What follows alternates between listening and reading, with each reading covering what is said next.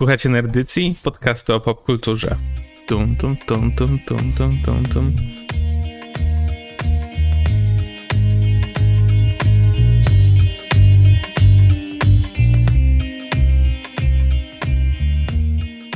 Ja nazywam się Kuba i jest ze mną, jak znowu chcę powiedzieć, co tydzień y, mój co-host, który się powinien przedstawić teraz. Damian. Cześć. E, I dzisiaj mamy temat bardzo ciekawy, wydaje mi się. E, I w ogóle taki, chyba, czy, czy robiliśmy już jakiś film animowany e, w Nerdy Całej Historii? Ty jesteś naszym tym lorekeeperem. No jak to? Akira. Akirę robiliśmy, to prawda. Więc to nie jest pierwsza wycieczka, odstępstwo od re reguły naszej. No poza tym zupełnie inaczej jednak, w sensie Akira był takim anime anime, a, a jednak Studio Ghibli gdzieś tam, no, trochę inaczej. Tak, dobrze, że wspomniałeś. Tak, dzisiaj będziemy robili Księżniczkę Mononoke, yy, Studia Ghibli oczywiście. No i co? Może y, zaczniemy jak zawsze krótkiej rozmowy o jakichś różnych rzeczach, które widzieliśmy, czytaliśmy i tak dalej, a potem przejdziemy do dyskusji o filmie. Co ty na to? No dobra, Kuba, powiedz, co tam? Y, co słychać popkulturowo? Co fajnego widzieliście, czytaliście, robiliście? Wiesz co, w sumie oglądamy jeden serial, ale nie będę zdradzał jaki, ponieważ jest to moja rekomendacja w tym tygodniu. A, ty już sprytny jesteś. Jestem, już się wycwaniłem się. Więc jest to moja rekomendacja w tym tygodniu. Natomiast zacząłem oglądać Aliens, czyli Obcych. Mm -hmm. Nie wiem, jak jest drugą część, w każdym razie e, filmu Alien, czyli Obcy z 86 roku. To jedna rzecz mi się bardzo podoba. Niestety obejrzałem tego do, do połowy, był dla mnie za mocny, żeby naraz obejrzeć mm -hmm. i byłem zmęczony strasznie. E, no i zacząłem też czytać komiks, jakiś najnowszy, Alien. W ogóle ostatnio mam wkrętkę w tą stylistykę i klimat y, Gigera i Obcy i tak dalej. No to wiesz. Wiesz, co to znaczy. Co to znaczy? To znaczy, że wiesz, gdzie powinieneś pojechać na pierwszą wycieczkę. Do Szwajcarii. Do muzeum, do muzeum Gegera i, i, i obczaić. To jest coś, co mnie bardzo też yy, od samego początku. Byłeś tam? Podobno jest to niesamowite. Nie byłem, nie byłem, ale podobno jest niesamowite, bo jest mm. rzeczywiście jakimś taką przestrzenią straszliwie dziwną. Yy, dla, dla słuchaczy oczywiście, którzy nie wiedzą, mówimy tutaj o twórcy yy, tych wszystkich efektów, postaci, yy, alienów, potworów i tak dalej w wielu różnych filmach sci-fiowych, który ma swoje muzeum w Szwajcarii, y, które w ogóle jest w jakimś fascynującym budynku. Nie pamiętam, czy to jest dawny kościół, czy dawne koszary. Jakieś takie, wiesz, bardzo dużo rzeczy jest, które tam się dzieje i podobno wygląda to super. Ale oczywiście pandemicznie jest zamknięte. Ale może wiesz, na drugą rocznicę nerdycji może, kto wie. Videocast wie. zrobimy. Zrobimy na żywo odcinek. No, live z muzeum. Natomiast tak, no Giger taki trochę międzynarodowo uznany Beksiński, jeśli tak. chodzi o stylistykę, tak, jeśli ktoś tak, nie tak, wie tak. jeszcze o co chodzi. E, no i co poza tym? Zacząłem czytać, a w zasadzie słuchać audiobooka Dune, chodząc sobie na spacery i robiąc różne rzeczy. Jestem bardzo wkręcony, więc mam nadzieję, że zrobimy nice. odcinek o Dune.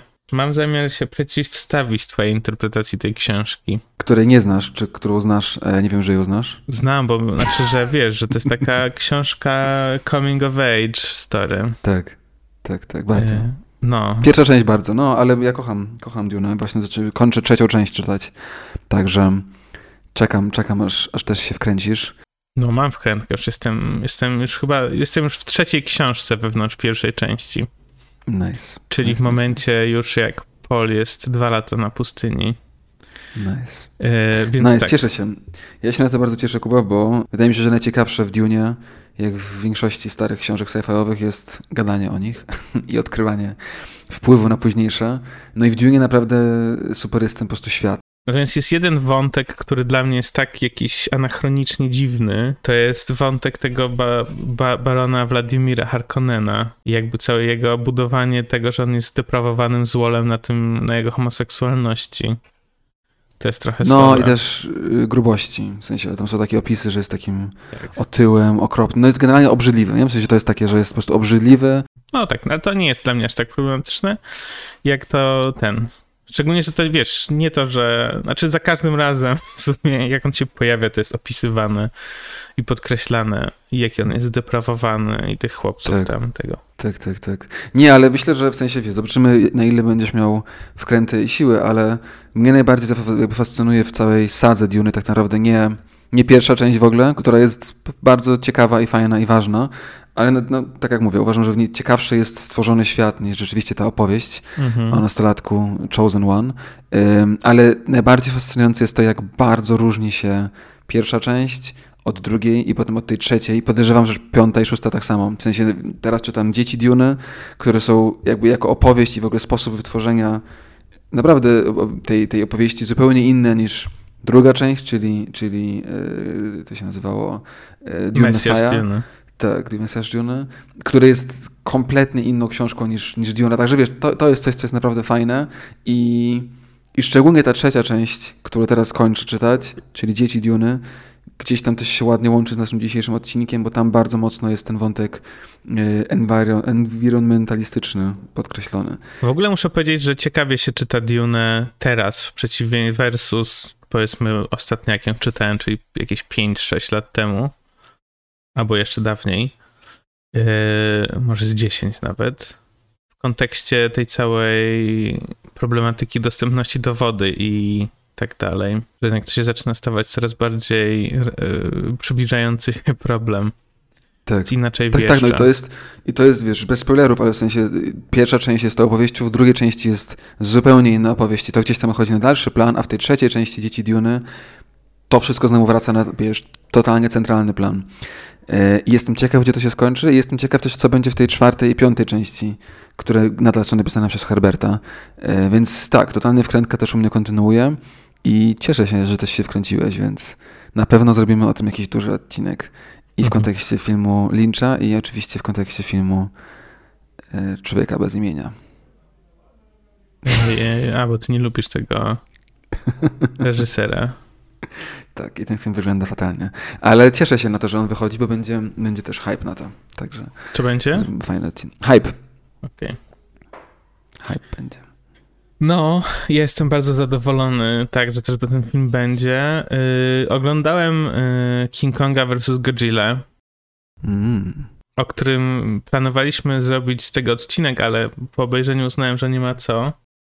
Ale ty się cieszyłeś bardzo na ten film, czekałeś. Ja byłem, narzekałem, że wygląda okropnie i beznadziejny, a ty byłeś taki bardziej, że że spoko i co? No tak, Jak? i znaczy ten film spełni moje oczekiwania, w tym sensie, że uwaga, spoiler, znaczy nie, nie będę spoilował, bo nie mamy takiej możliwości, żeby zrobić jakieś takie uwaga, spoilery i powiedzieć dokładnie ile będzie trwało. Ja w opisie odcinka zawsze piszę, że są spoilery, jak są spoilery, okay. także możemy napisać, że... No w każdym razie bez spoilerów bardzo mi się podobało, że y, były duże potwory, które się ze sobą biły i że wszystko było takie over the top i w ogóle mnie to nie mhm. bolało, że coś jest nierealistyczne albo że się nie trzyma kupy. Nie, to mnie nigdy nie boli. To jest, twój argument się w ogóle nie trzyma mojej osoby. Mnie to nigdy nie boli. Mnie boli, że to jest brzydkie i nudne i albo cyjanowe, albo turkusowe, albo wiesz, jakby... No. O Jezu, bo ty wiesz, ty masz takie wyrafinowane gust, no ja to lubię takie popcorn manchery, czasem obejrzeć. Ja też, ale no przecież taka godzina pierwsza, którą zrobiliśmy, moim zdaniem nasz najlepszy odcinek, jest, to jest super film, tam jest tyle głębi i ciekawości i przy okazji jest kretyński film o potworze. Mówisz o tej z 56 roku? Tak. To zdecydowanie Popcorn Mancher na 2021. Wartka akcja, efekty specjalne. No właśnie, nie no, ale super to się oglądało. A, a ten film nie widziałem, więc nie wiem, ale ze zwiastunów i z plakatów to wyglądało jak, jak, jak gra komputerowa, no. Ale powiedz mi, Kuba, czy pojawia się Mecha Godzilla i czy jest fajna? No ja się nie chcę spoilować, no. No ale to mi ze spoileruj, to nie, będę musiał potem wyciąć. Ale to, że się pojawia, to wiadomo, że w zwiastunie już pokazane było, że jest Mecha Godzilla. No tak, no pojawia się Mecha Godzilla, jest fajne. Nice. Tylko jakby ta finałowa walka, moim zdaniem, troszeczkę za krótka, ale... Ja bym dla Mecha Godzilli mogł obejrzeć. To jest jedyne, co mnie zaczęło przekonywać. Już te plakaty z King Kongiem, z toporem zrobionym, z łusek Godzilli, jakieś takie, naprawdę, to nie. Ale Mecha Godzilla to akurat jest wytłumaczone wewnętrzną logiką tego świata, więc... No moja teza, nie mam pojęcia, ale ja oczekuję, że będzie tak, że oni się będą nawzajem bić, a potem pojawi się Godzilla i Godzilla z King Kongiem się zbratają i wtedy Godzilla da King Kongowi swoją łuskę i powie walcz za nas, e, a on daje jej, nie wiem, sierść i... No nie do końca tak jest, ale jesteś blisko. Ale wszystko się tam spina ładnie. Mhm. Tak, no my nie widzieliśmy też tego poprzedniego, Godzilla King of Monsters. Jakoś te... No nie, nie, nie. Ale skoro pytasz, co ja oglądałem, yy, wydarzyło się... Duża rzecz się wydarzyła, Kuba. Yy, w życiu nardycyjnym kohosta Damiana, czyli obejrzałem Hobbit. Wszystkie trzy części? Wszystkie trzy, ale nie. Tak i nie. Nie wiem, jak to jest pytanie, na które nie mam odpowiedzi, ponieważ yy, to było nawet całkiem fajne. Myślałem, że zrobię to jako rekomendację, ale nie, bo to nie było aż tak dobre, ale yy, obejrzałem pierwszy w życiu fan edit yy, czegoś dużego. W sensie kojarzyłem, że istnieją fan edity, wiesz, kojarzyłem filmiki na YouTubie, jakieś typu, nie wiem, 10-minutowy filmik yy, fan editowy o czymś, głównie Gwiezdne Wojny. A tu się okazuje, że istnieją też po prostu filmy, pełne filmy, albo nawet w, tej, jak w tym w kontekście trzy czterogodzinne filmy Hobbit, które y, jakaś grupa bardzo zagorzałych fanów y, zrobiła jakby na nowo montaż, taki jak, jakby chcieli, żeby było. Y, no więc to, co my obejrzeliśmy, to się nazywało J.R.R. Tolkien Hobbit, The Maple Cut, czy coś takiego i po prostu jakby zrobili z czterech filmów jeden film, który jest jak najbardziej się da bliski książce. Czyli wiesz, po prostu usunęli z tych czterech filmów wszystko to, czego nie ma w książce Hobbit dodali intermisję w połowie, zrobili jeszcze w jakiś sposób, tego nie rozumiem, z tego filmu zrobili jeszcze wersję 4K, nie wiem jak to w ogóle jest możliwe domowo, ale zrobili to. No i jest, nadal to trwa długo, to było 4 godziny 20, więc końcówka była za długa, ale jako całość, słuchaj, y, działało, naprawdę działało. Przede wszystkim dlatego, że zmienili kolory. To był taki, wiesz, mały trik, ale jakby to, co w tych Hobbitach i ciebie i mnie jak wiele razy wspominamy, tak irytowało ten takie po prostu przeskalowanie kolorów i to, ta, ta sztuczność. Mm, oni, wiesz, po prostu zmienili to, tak jakby filtr w Instagramie, y, na, na takie zwykłe kolory, no, nie? Jak, jak powinny być y, bardzo dużo przyspieszyli, więc jakby wiesz, pacing jest dużo szybszy, że to co ja pamiętam w pierwszej części trwa półtorej godziny, w tym filmie trwa 10 minut, więc jakby cała ta, ta początkowa nabudowa i działa, naprawdę działa. Także generalnie fan edity yy, to jest coś, co będę się może bardziej kręcał. To myślałem sobie. No, Hobbit to jest ciekawa historia. Ja bym szczerze mówiąc chciał się jej kiedyś bliżej przyjrzeć. Natomiast ja te filmy dla mnie to była porażka yy, i wydaje mi się, że głównie dlatego, że po prostu za szybko chcieli je zrobić i też bez sensu tak. rozciągnęli ten materiał. Tak, tak, tak. No i dołączyli jeszcze te fragmenty z Silmarillionu, z czegoś tam, nie? Jakoś to wszystko było takie, y, że, że, że to nie ma sensu. Nie no, tak, wiesz, do Władcy Pierścieni budowali jakieś rzeczy, zbroje, robili tego w ogóle trzy lata przed produkcją, przed pierwszymi zdjęciami ruszyła produkcja Hobbitonu i tak dalej. To było na epicką skalę zrobione. A Hobbit to jakieś takie dziwne CGI-owe coś, nie wiem w ogóle o tak. co chodziło. Tak, tak, tak. Nie no, ale też jest tak, że Y, ja po prostu jakoś zatęskniłem za jakimś takim fajnym filmem fantazy i gdzieś mi ten Hobbit chodził. We Władcy Pierścieni już ile razy można oglądać. Y, Jak I... to? No wiem, ty tak, ale ja ten, ten średnio, ale... Y, roku Nie, no zadziałało, w sensie polecam ci stary, obejrzyj, w ogóle myślę, że byłoby fajnie, jakbyś obejrzał, byś dał mi znać, co sądzisz, bo mnie, my na dwa razy oglądaliśmy, w sensie dwa, dwie noce, właśnie do intermisji i potem tak, tak, tak jakby, wiesz, dwie filmy dwu godzin, dwa, dwa razy po dwie godziny i, I, naprawdę dużo, dużo lepiej to działało niż ta wersja hollywoodzka. Także trochę, wiesz, w duchu naszego poprzedniego odcinka o Snyder Cutie y, odkrywam, odkrywam trochę y, właśnie różne katy i wersje. Więc to było, to było ciekawe, słuchaj. A w jakim aspect ratio był? 4 3 czy? Y, nie, nie, no zwykłym. to chyba Peter, Peter Jackson chyba nie jest ze szkoły Zaka Snydera. no dobrze, to koniec żartów, yy, śmieszkowania i myślę, że musimy przejść do filmu. Odcinek trzeci serii o końcach świata.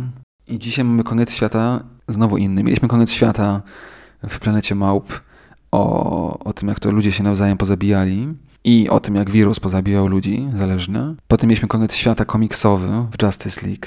Taki nie do końca komiks świata, ale trochę. No. Pojawia się wielki złol alien i robi apokalipsę, a potem Flash szybko biegnie i, i nie ma końca świata. Ale dzisiaj mamy koniec świata taki bardziej, bardziej końcoświatowy. I Mononoke było twoim pomysłem, Kuba. Ja myślałem, że zrobimy o Snowpiercerze, ale on będzie naszym następnym chyba.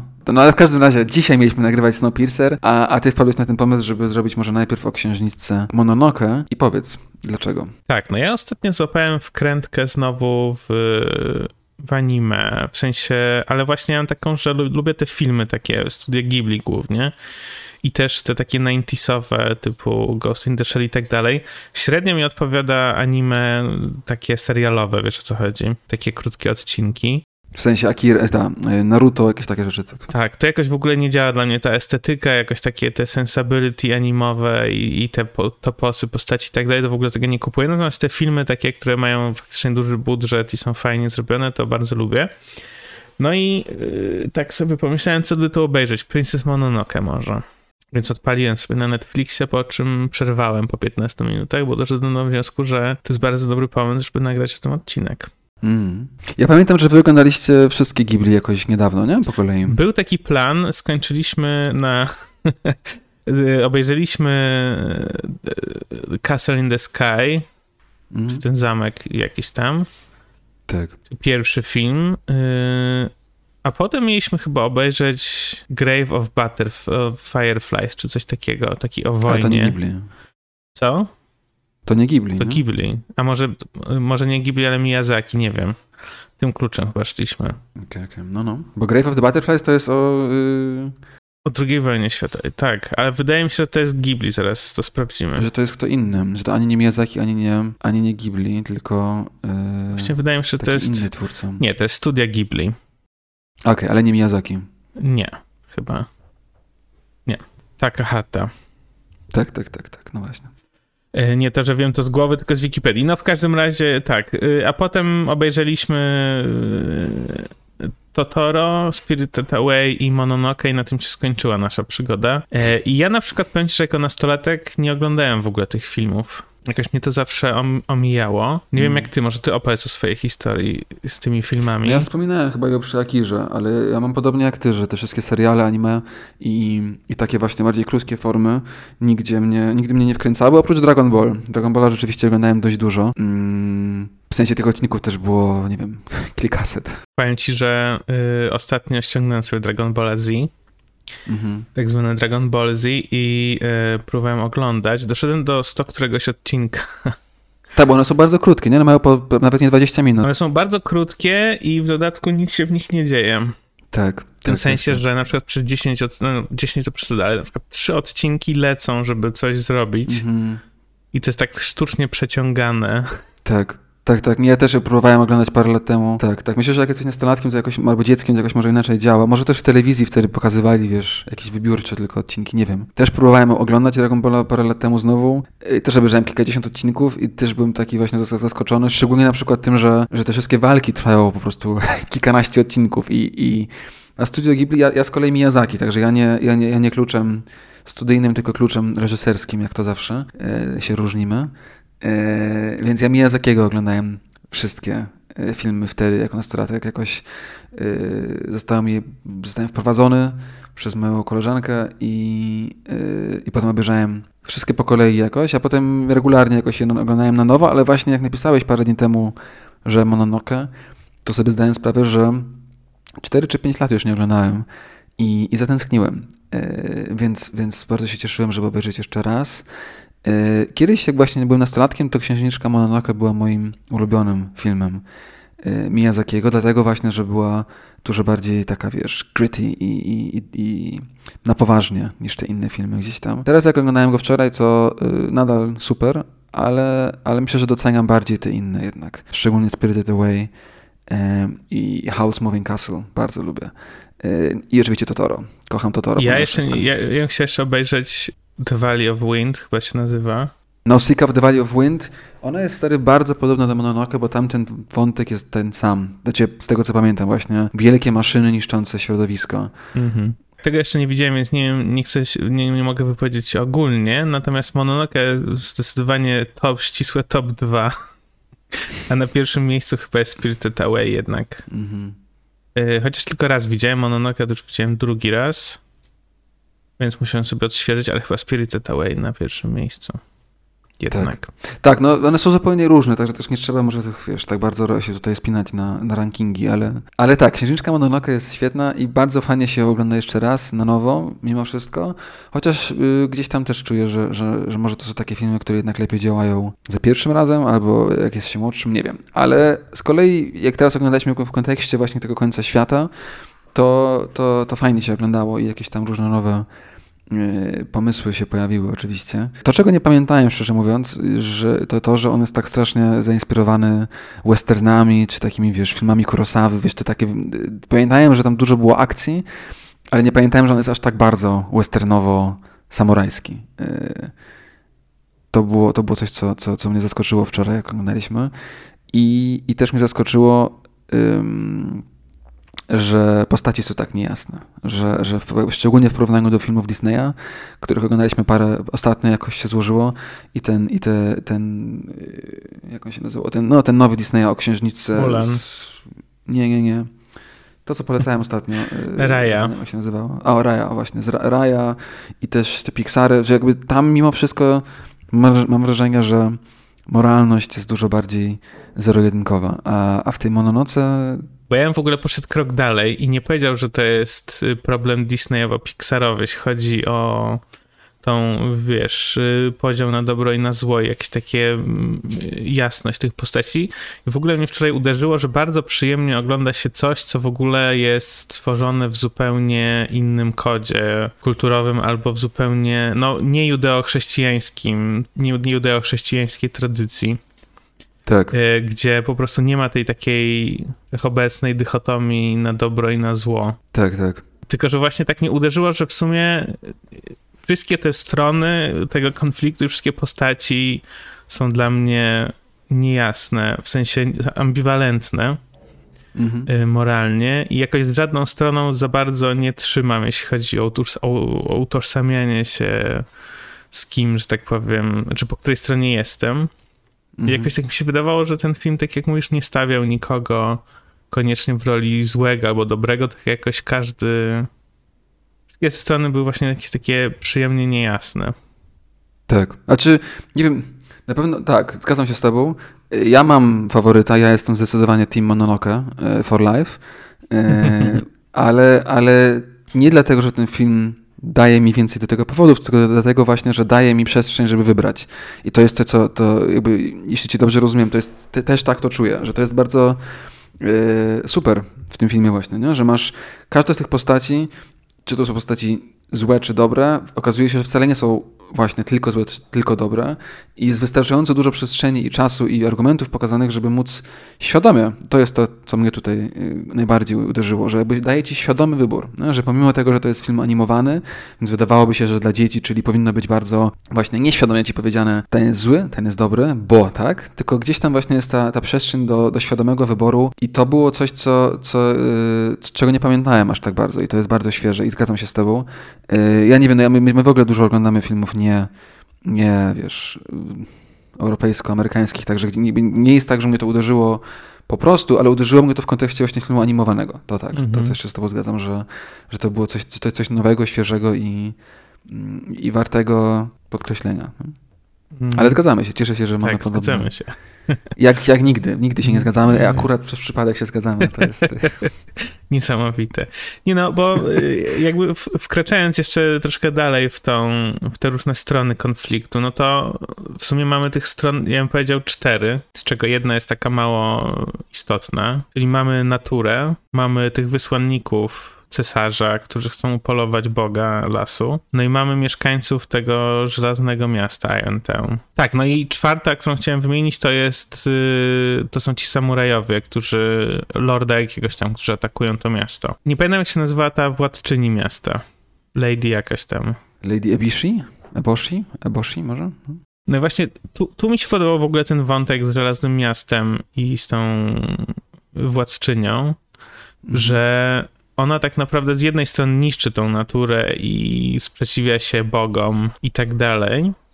Lady Eboshi. Lady Eboshi, a z drugiej strony ma tych, przygarnia te osoby wyrzutków trendowatych, uwalnia, emancypuje różne kobiety z burdeli i tak dalej, żeby pracowały w tym żelaznym mieście. No i tworząc tą broń, która z jednej strony zabija przyrodę, z drugiej strony pada tam takie zdanie, że dzięki tej broni będziemy mogli się przeciwstawić samurajom. Tak, i nawet dalej, i wtedy ktoś odpowiada jej, że będzie cesarzem, w sensie, że będzie, jakby, że rzuci wyzwanie cesarzowi, nie? że jakby to jest zasugerowane, Taki że... tak zwany wielki wyrównywacz, tak. nie? że jakby tak, dzięki tak, tak. temu postępowi jesteśmy w stanie zabić ten feudalny świat stary.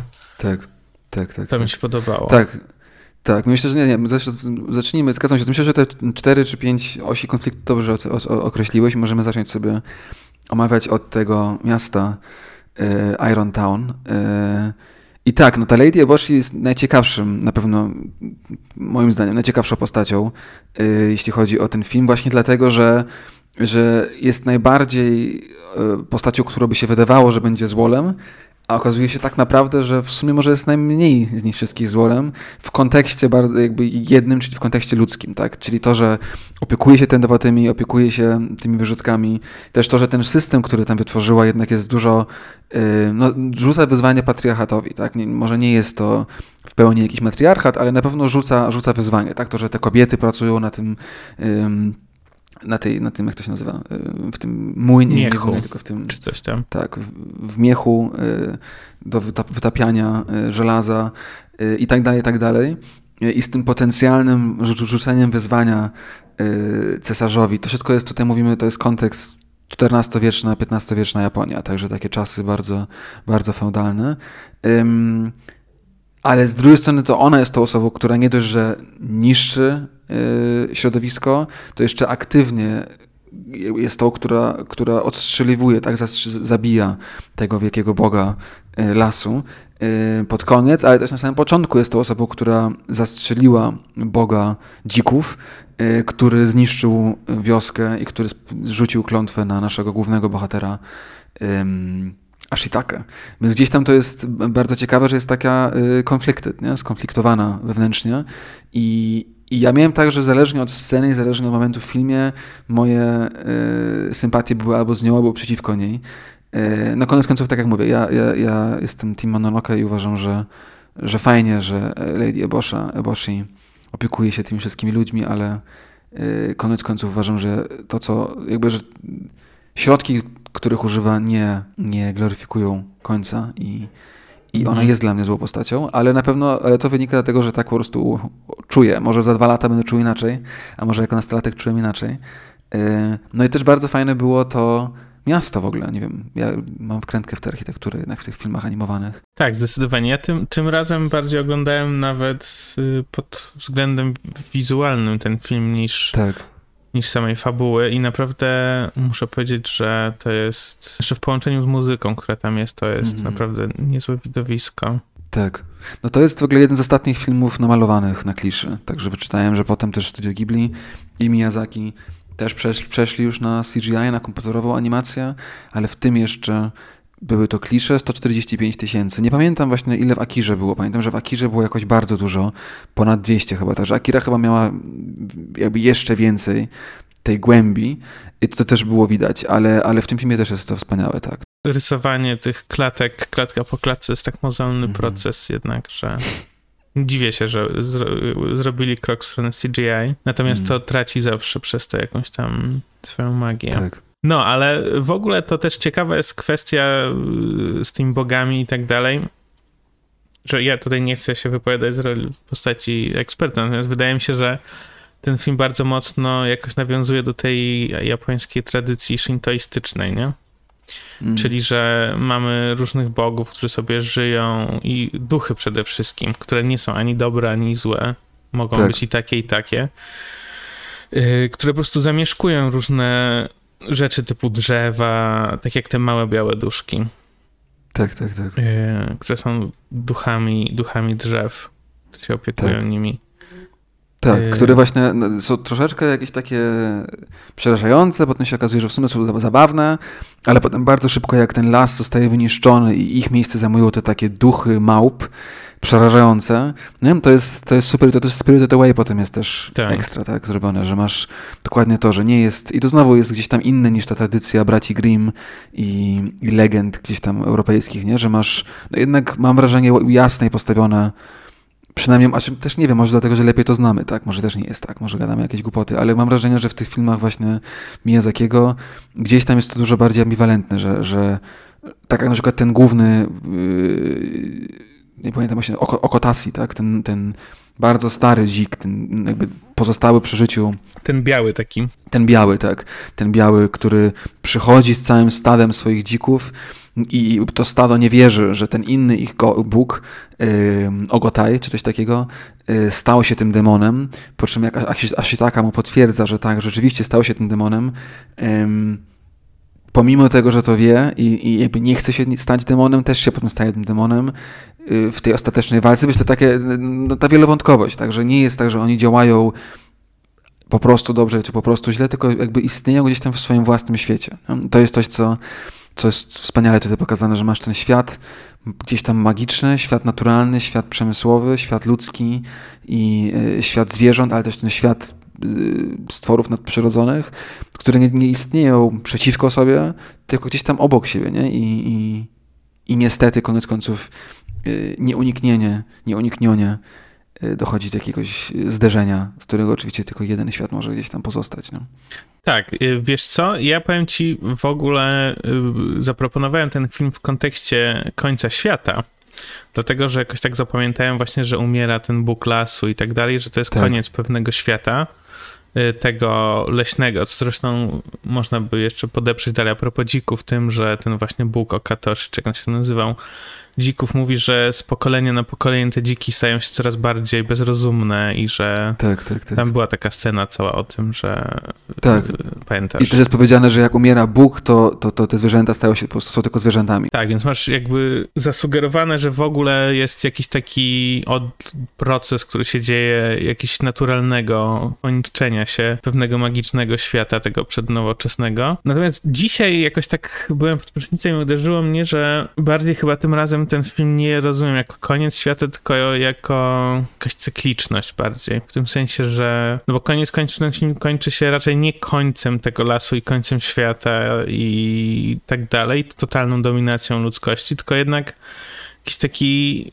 Rezolucja jest y, raczej zaczęcia nowego cyklu, który będzie inny niż poprzedni, ale nadal z tym lasem, tylko że tym razem jeszcze z ludźmi, którzy w nim są. Tak, no, znaczy w sensie zgadzam się z tobą, że tak, tak też, też jest taka końcówka, no w sensie jest happy ending i rzeczywiście jest też tak, że jak ten pod sam koniec ten wielki Bóg odzyskuje swoją głowę i wybucha, to jakby ten wybuch ostateczny uzdrawia wszystkich, tak? I to było, to, to jest ten element happy endu, że ta, ta, ta siła uzdrowieńca, że trędowaci przestają być trędowatymi, ym, i te, te zniszczone elementy, te całe góry z wypalonym lasem znowu pokrywają się roślinnością, ale to już nie jest ten las. Nie? I to, też, to jest też to, co, to, co księżniczka Monolokę mówi pod sam koniec, że to już nie jest las księcia, znaczy nie księcia, tylko to nie jest, nie jest już las tego, tego boga Jeleni, yy, czy Jeleniego boga, bo jego już nie ma i że to już nie jest to samo. Nie? I tak, no na pewno jest to jakaś cykliczność i, i też to, że ten całe miasto Iron Town zostaje gdzieś tam odzyskane przez naturę, tak, że te, te wypalarnie i, i te wielkie yy, miechy y, obrastają mchem, czy drzewami, czy roślinami, gdzieś tam sugeruje, że no, że tak, że natura sobie poradzi, bo jest tak, że sobie poradzi, ale jednak koniec końców dla mnie jest to koniec. No. Dla mnie jest to koniec, bo tak, poradziła sobie i od, od, odżywa, ale to już nie jest to samo i to, co było, zniknęło. Nie? I te wszystkie postaci i tych wielkich bogów, i tych wielkich zwierząt, to na samym początku zostaje nam powiedziane przez te wyrocznie w, na, w, tej, w tej wiosce, czy w tym miasteczku, z którego pochodzi Ashitaka. Jest ta, ta stara, stara kobieta, wyrocznia, która mówi, że, że on teraz musi pojechać daleko na zachód, do tego kraju mitycznego, gdzie, gdzie istnieją jeszcze zwierzęta wielkie jak, jak, jak drzewa, czy coś tam to wszystko znika, nie? że tak, idziemy dalej i rzeczywiście y, no, gdyby to traktować jako, wiesz, film dokumentalny, no to tak, 700 lat później Kuba i Damian nagrywają podcast o tym, żyjemy, wszystko jest ok, ale, ale właśnie nie jest ok, nie? I, i, nie wiem, dla mnie ten film był jakiś tak bardzo, nawet nie nostalgiczny, tylko po prostu melancholijny, nie? że to takie, takie spostrzeżenie, że ok, no rzeczywiście jest dalej życie i Ashitaka i Mononoke mogą sobie dalej żyć i, i mieć przyszłość i ten Iron Town się odbuduje i coś tam, ale, ale to już nie będzie nigdy to samo. Nie? I przez to, że zobaczyliśmy przez chwilę ten magiczny świat, który był, to jakby świadomość tego, co utraciliśmy, jest jakaś taka straszliwie dojmująca i smutna. No właśnie, a widzisz, dla mnie jednak jest tak, że, yy, że to wszystko się odrodzi, tylko że inaczej. W tym sensie, że jest jest przyszłość zasugerowana, w której to wszystko będzie. W tym sensie, że nie musi być koniecznie W sensie, że mogą być po prostu nowi bogowie i nowe duchy, co jest zasugerowane chociażby pojawieniem się tego duszka drzewa na sam koniec w ostatnim ujęciu. Tak, tak, tak że, że las jest znowu zdrowy. Myślę, tak. że to jest dość otwarte zakończenie i nie, na pewno, na pewno. Może, może, może jest tak, że pojawią się nowe bożki, nowi bogowie i tak dalej, ale nie będą to, to na pewno nie będą to ci sami. W sensie to jest na pewno powiedziane jasno, że Bóg Jeleni, ten wielki Bóg, on już nie powróci, tak? Ten duch Regolasu nie powróci. No i to też gdzieś tam jest tutaj pokazane i to też y, jest, wydaje mi się, ta jeżeli jest to jakaś, wiesz, jakieś, jakaś, jakaś nauka, czy jakieś motto tego filmu, to jest gdzieś tam też to, no. I to też to jest coś, co moja partnerka podchwyciła, tak, że gdzieś tam to jest piękne w tym filmie, że, że trzeba jakby się nauczyć, nie, że, że zaakceptować tego, że, że, że rzeczy, czy ludzie, czy istoty umierają, odchodzą i jakby odradzamy się na nowe, idziemy dalej i coś tam. Na pewno tak, ale dla mnie to jest przede wszystkim melancholijne, smutne, no. To nie jest...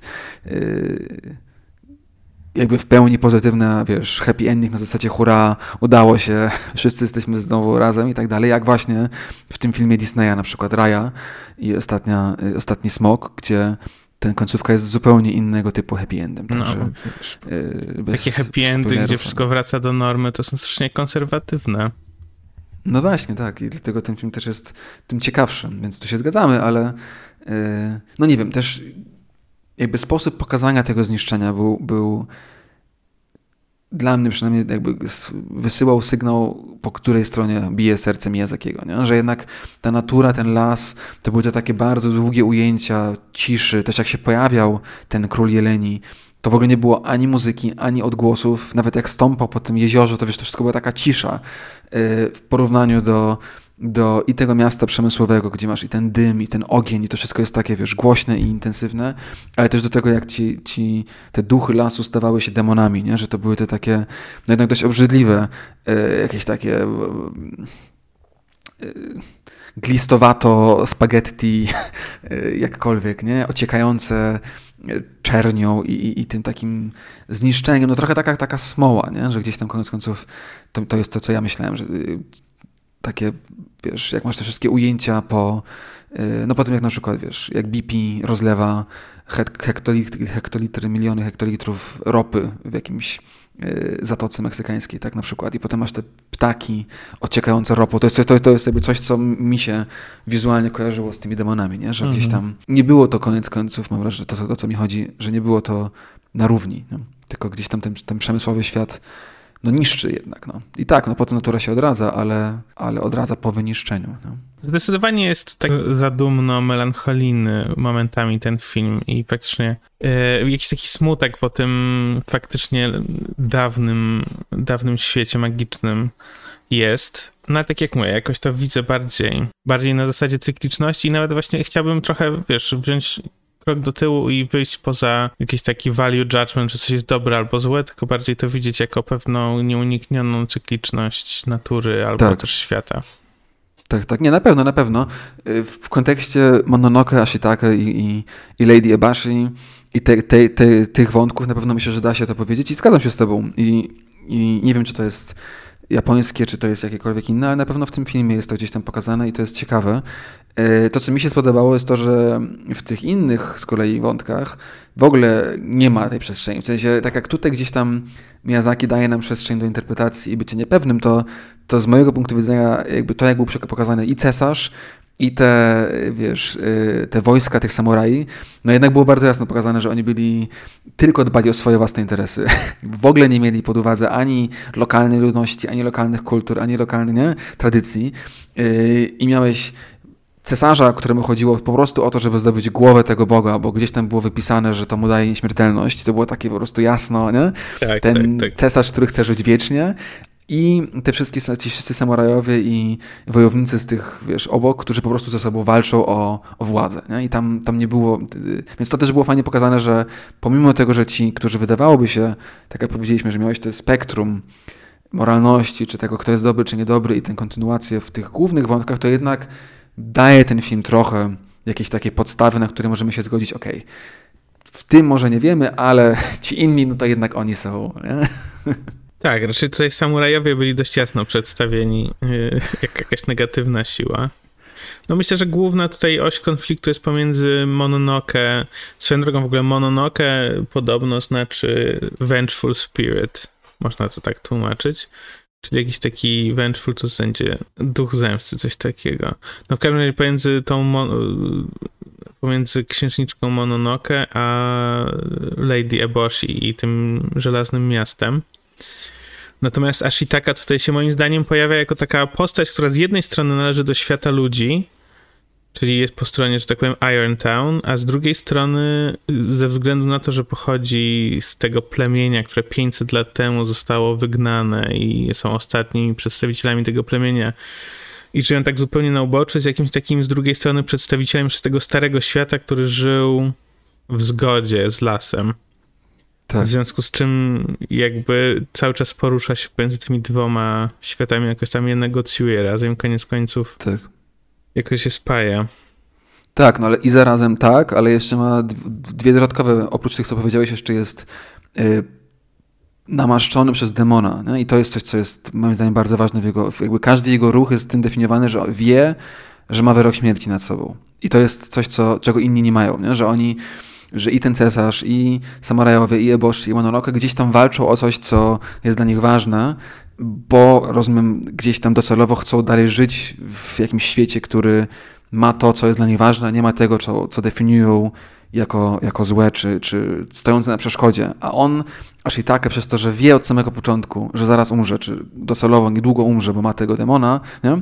gdzieś tam jest motywowany tak bardzo, no tak teatralnie gdzieś tam. Nie? Jest tam taki dramat, dramaturgia taka teatralna, że, że jego czyny gdzieś tam może są akceptowane też przez wszystkich dookoła, gdzieś tam jako bardziej czyste, czy, czy może nie, szczere gdzieś tam, no a przy okazji jest po prostu outsiderem. Nie? W tym wszystkim jeszcze jest po prostu jedynym prawdziwym outsiderem, że przychodzi i widzi, ok, Mononoke jest gdzieś tam zafiksowana w tej swojej walce i po prostu idzie na walkę z Iontown. Iontown z kolei tylko i wyłącznie chce zdobywać coraz więcej przestrzeni, żeby móc się bardziej rozwijać i prowadzić industrializację, a on gdzieś tam się pojawia, mówi i to jest ta scena, która jest y, gdzieś tam y, dla mnie najbardziej symboliczna, jak jest ta walka w mieście, nie? na samym początku, czy w, połowie filmu powiedzmy, jak Mononoke atakuje, szarżuje na Iontown, chce zabić Lady Eboshi i Ashitake i ją i Lady Eboshi nokautuje, nie? I jakby staje pomiędzy i mówi stop, tutaj nagle ja się pojawiam. Yy... I gdzieś tam coś z tego wynika potem, nie? Także on jest fajną postacią i to jest też w ogóle pytanie, które, które chciałem ci przy okazji zadać, że, że ciekawym jest dla mnie to, że ten film nie nazywa się, nie wiem, Kroniki Ashitake, czy Historia Ashitake, czy jakkolwiek, tylko nazywa się Księżniczka Mononoke. Co o tym myślisz? Y, no, wydaje mi się, że tutaj jest yy, jednak po, pojawia się odpowiedź na pytanie, po której stronie stoi reżyser. Tak. E, czyli Miyazaki, że jednak no, ten film ma być taki o tym lesie właśnie. Mhm. I on ma być głównym bohaterem. Też wizualnie jest zresztą, się wydaje. Tak, tak, tak, ale właśnie to jest coś, co ym, z jednej strony tak, ale z drugiej strony też jest ciekawym, bo yy, no nie wiem, może w jakiś inny sposób by się dało ten film też interpretować, gdyby nazywał się właśnie, nie, wiesz o co chodzi, aż i tak, albo w ogóle jakoś inaczej, tak, na zasadzie, nie wiem, historia X, Y, Z w tym roku, no jakkolwiek, tak, w sensie, a przez to, że jest ten tytuł bardzo jasno postawiony po stronie księżniczki Mononoke i też ona jest y, tą, która wydaje, wypowiada ostatnie zdania w filmie gdzieś tam, yy, ale z kolei pojawia się dopiero w, wiesz, po 40 minutach, także gdzieś tam to było coś, co nie pamiętałem tego tak, yy, jak teraz ten film oglądałem na nowo, to zaskoczyło mnie to.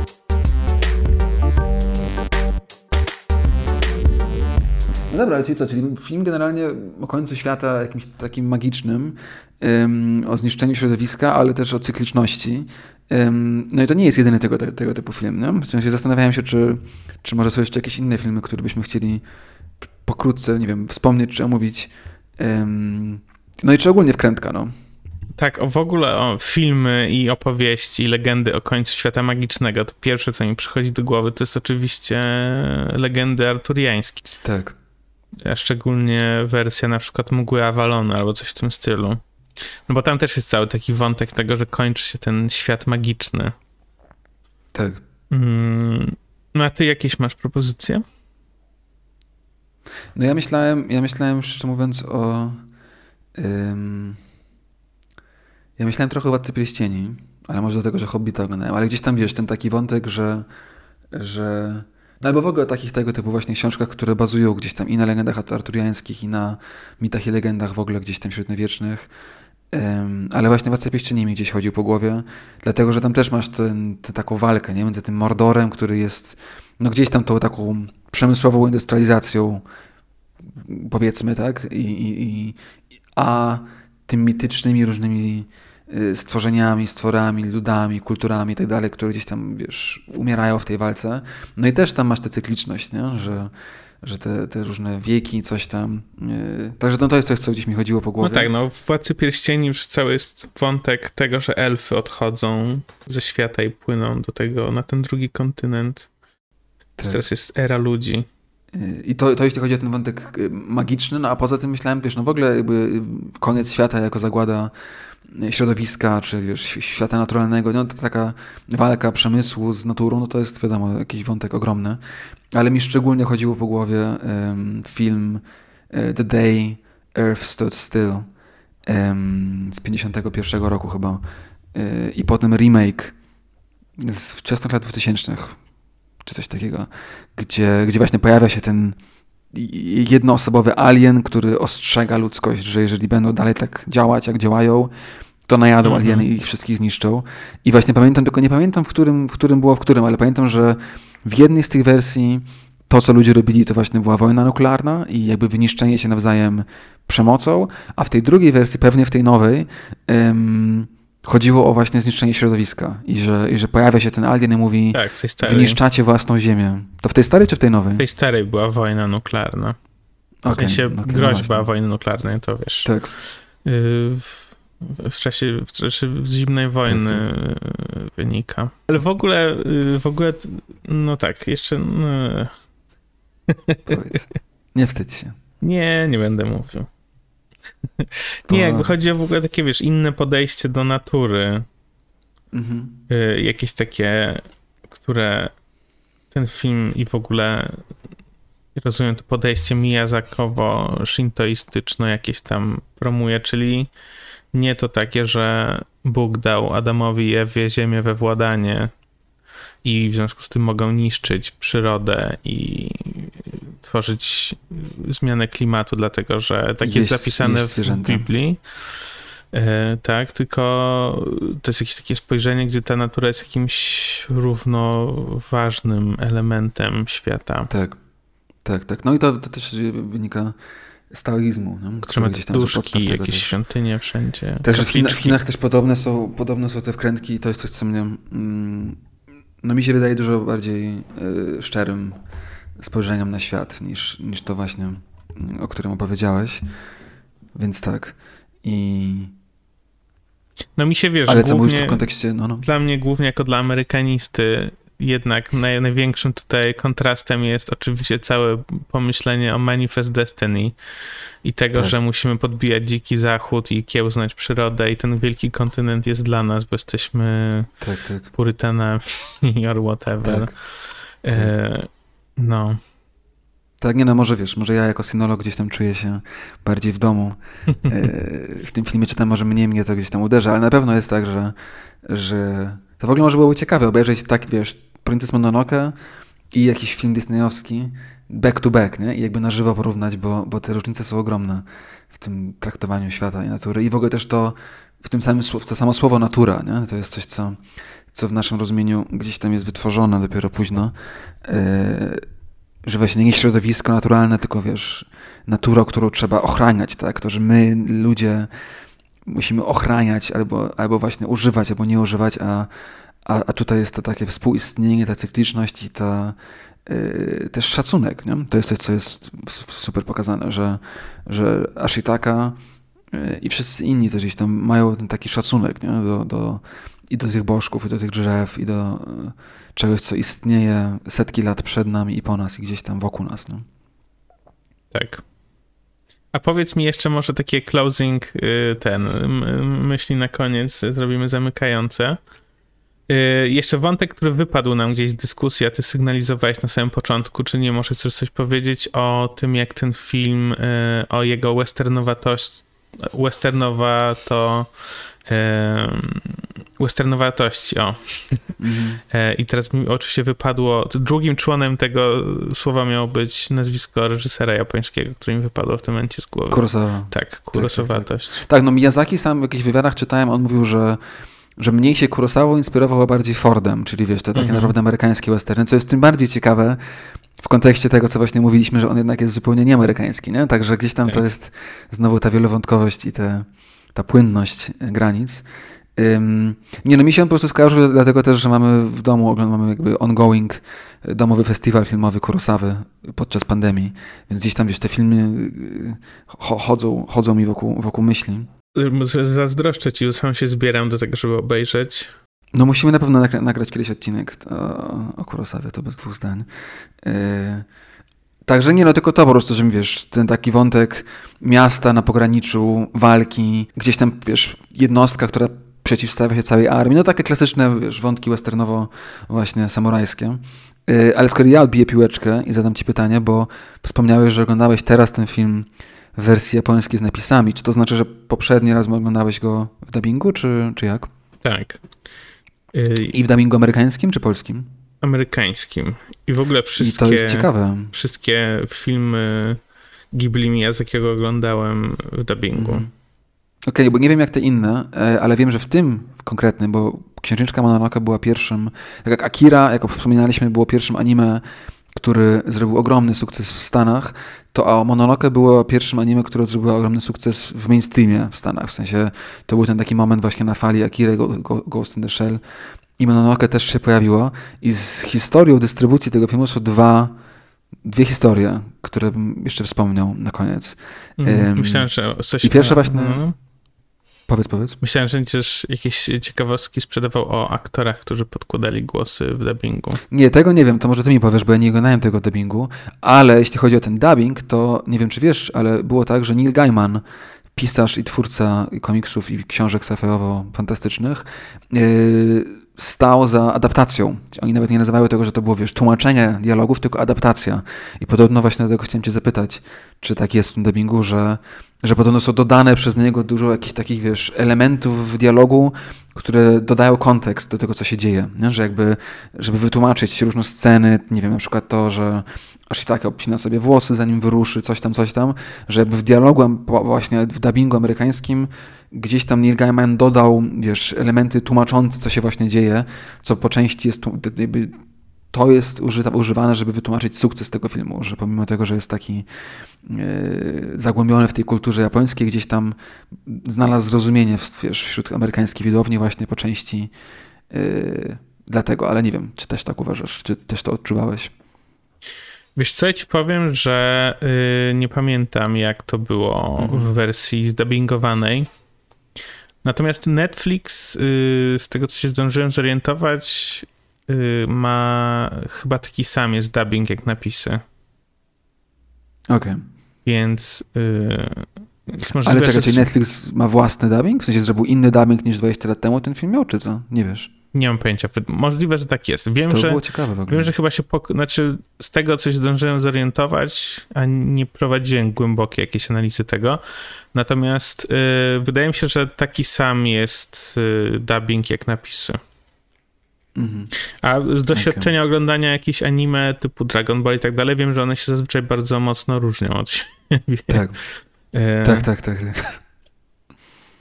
No, więc mhm. nie wiem. Mm. Okay.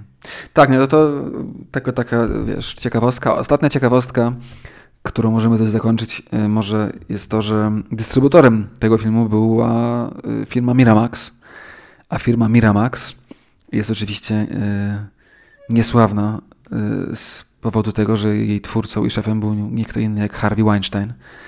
Y, I jest y, śmieszna historyjka online, że podobno Weinstein chciał skrócić monologę bardzo, bo ten film trwa 2 godziny 13, a on podobno chciał zrobić z tego półtorej godzinny film.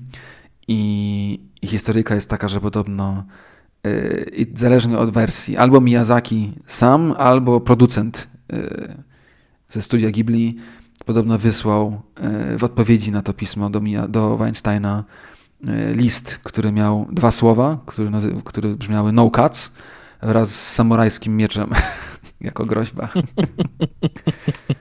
Więc podobało mi się to, że Miyazaki już walczył z Weinsteinem zanim to było modne. Bardzo ten, ciekawa historyjka. Nic, ja tylko pamiętam, że w angielskim kaście jest Claire Danes, która gra tą księżniczkę.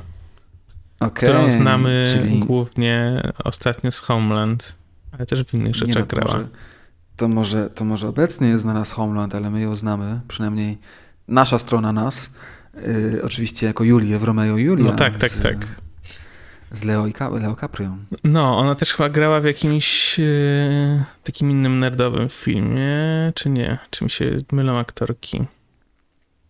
Nie wiem, no ale ona była w tym hip-hopowej wersji e, Romeo i Julia. O, to była. może sobie dzisiaj wieczorem obejrzę w ogóle. To jest ciekawy film. Widziałeś go kiedykolwiek, od kiedy go widziałeś? Jak widziałem... Nie, tak widziałem tak go ostatnio temu. wtedy, kiedy go widziałem, czyli dawno temu. A tak, w no. Terminatorze 3 Bunt Maszyn grała. Okej. Okay. Rise of the Machines. Talk to the hand. No dobra, Kuba, to co? No. Czy coś jeszcze chcemy sobie powiedzieć? Czy przechodzimy do rekomendacji? Przejdźmy do rekomendacji, bo już moja się ukisiła od początku odcinka. Powiedz nam, Kuba, zaskocz nas. Jingle. E, Moja rekomendacja na dzisiaj to jest serial wyprodukowany przez J.J. Abramsa, który ma macki we wszystkim e, w Hollywood. E, jest to serial, który się nazywa Fringe.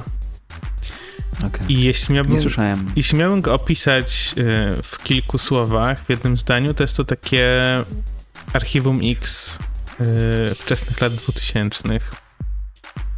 To jakby kolejna generacja archiwum, z archiwum X tylko że już wzbogacona o to, że nie ma takich klasycznie, czy jest bardzo mało, przynajmniej w pierwszych trzech sezonach, które obejrzałem, bardzo mało jest odcinków typu Monster of the Week, które nie są powiązane z główną fabułą, tylko że masz po prostu jakiegoś no, przysłowiowego potwora, którego w tym tygodniu rozwiązujemy zagadkę, co się stało, tylko jakby każdy odcinek jest już częścią jakiejś większej historii, którą opowiada ten serial. Jakby porównaniu do Archiwum X, y, gdzie to raczej była rzadkość niż reguła, przynajmniej na początku. Jest dość duża zmiana, no i bardzo ten, bardzo lubię główną aktorkę, która nie wiem jak się nazywa. Y, no i w ogóle polecam ten serial. Jak ktoś lubi klimaty takie naukowo dziwne, archiwum to na pewno polubi ten serial. I bardzo dobrze się ogląda. Troszkę się zestarzał, ale też bez przesady. Ciekawe, bo w ogóle o nim nie słyszałem. Nigdy. W sensie kojarzę, wiesz, nie, nie, oglądam seriali i tak dalej, ale gdzieś tam kojarzę różne, a tego w ogóle nie kojarzyłem, nie słyszałem i to wcale nie jest takie stare. Widzę, że do 2013. No nic, ja, ja polecam Fanedity, ale to już polecałem jako taki pomysł, a tak naprawdę polecam yy, też film w takim razie, jak już polecamy dzisiaj filmy. Ja polecam film, który nazywa się The Last Black Man in San Francisco. Mam nadzieję, że nie polecałem go już yy, ostatnio. Nawet nie wiem teraz, chyba nie. Bo jest to film, który zrobił na mnie ogromne wrażenie i mm, jest może najlepszym filmem, czy jednym z najlepszych filmów, które widziałem yy, w przeciągu ostatnich, nie wiem, 12 miesięcy. Mm, trochę trudno opisać o, o, czym jest bez spoilerowania, ale ogólnie jest taką mieszanką, jest trochę, trochę przypomina filmy Wesa Andersona w stylu, Y, w takiej, wiesz, ironii, jakby dziwnych scenach, które trochę się nie łączą. Jest bardzo teatralny i jest bardzo, bardzo dobry, bo jest y, amerykańskim filmem, off, off mainstreamowym, y, ale jednak no, amerykańskim filmem, który w bardzo ciekawy, ważny i głęboki sposób opowiada o nierównościach klasowych i społecznych wynikających z posiadania nieruchomości tak naprawdę. I jakby jest takim, wiesz, ciekawym i to jest temat, który w ogóle rzadko się pojawia w filmach, mm, a powinien być dużo bardzo częściej pojawia, pojawia, być moim zdaniem e, podchwytywany właśnie jak to, że ktoś wyrasta w domu, w którym istnieje mieszkanie, e, zmienia całkowicie jego trajektorię życia, a jak to jak ktoś wyrasta w innych wiesz, warunkach, zmienia w inny sposób. Także jest naprawdę dobry, ciekawy, poruszający i głęboki. The Last Black Man in San Francisco. Polecam. Nice. W ogóle nie słyszałem o tym filmie. Yy, a chętnie sobie poczaję. No to co, Damian, słuchaj, yy, bardzo dziękuję Ci za dzisiejszy odcinek. Ja tak czuję, czuję że nie, nie omówiliśmy wszystkiego. Ja tak mam z tym Jazakiem, że on jest taki, że tak ci siedzi na głowie, potem jeszcze dwie godziny tak. później to sobie pomyślisz, tak. no? No ale to ja często jest taki niedosyt po odcinku, się wydaje. No nie da się wszystkiego omówić. Wydaje mi się, że jakoś akurat dzisiaj bardzo nam płynnie i naturalnie, organicznie ta dyskusja się potoczyła. Tak. Także co, do usłyszenia. Edycja nie jest y, tabliczką czekolady. Nie można mieć tak. całej naraz. Także y, do usłyszenia w kolejnym odcinku, który będzie, mam nadzieję, o Snowpiercerze. Albo właśnie jesteście tak. już po odcinku o Snowpiercerze.